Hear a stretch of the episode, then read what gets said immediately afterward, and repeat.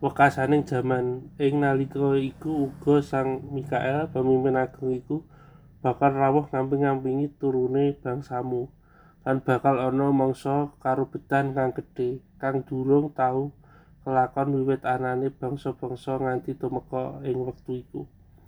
Nanging nalika iku bangsamu bakal bisa uncat yaiku sing sapa jenenge katulis ana ing kitab iku sarta wong-wong kang wis padha turu ana ing lebuning bumi akeh kang padha tangi. Ana kang banjur kagencer urip langgeng ana kang ngrasakake kanistan lan pagiris kang langgeng. Wong-wong wicaksana bakal padha sumunar kaya cahyaning langit.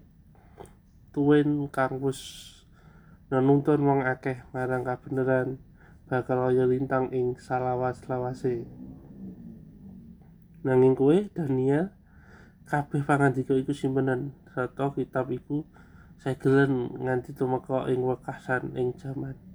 Akeh wong kang padha niti priksa apa dene kawruh bakal saya wuwuh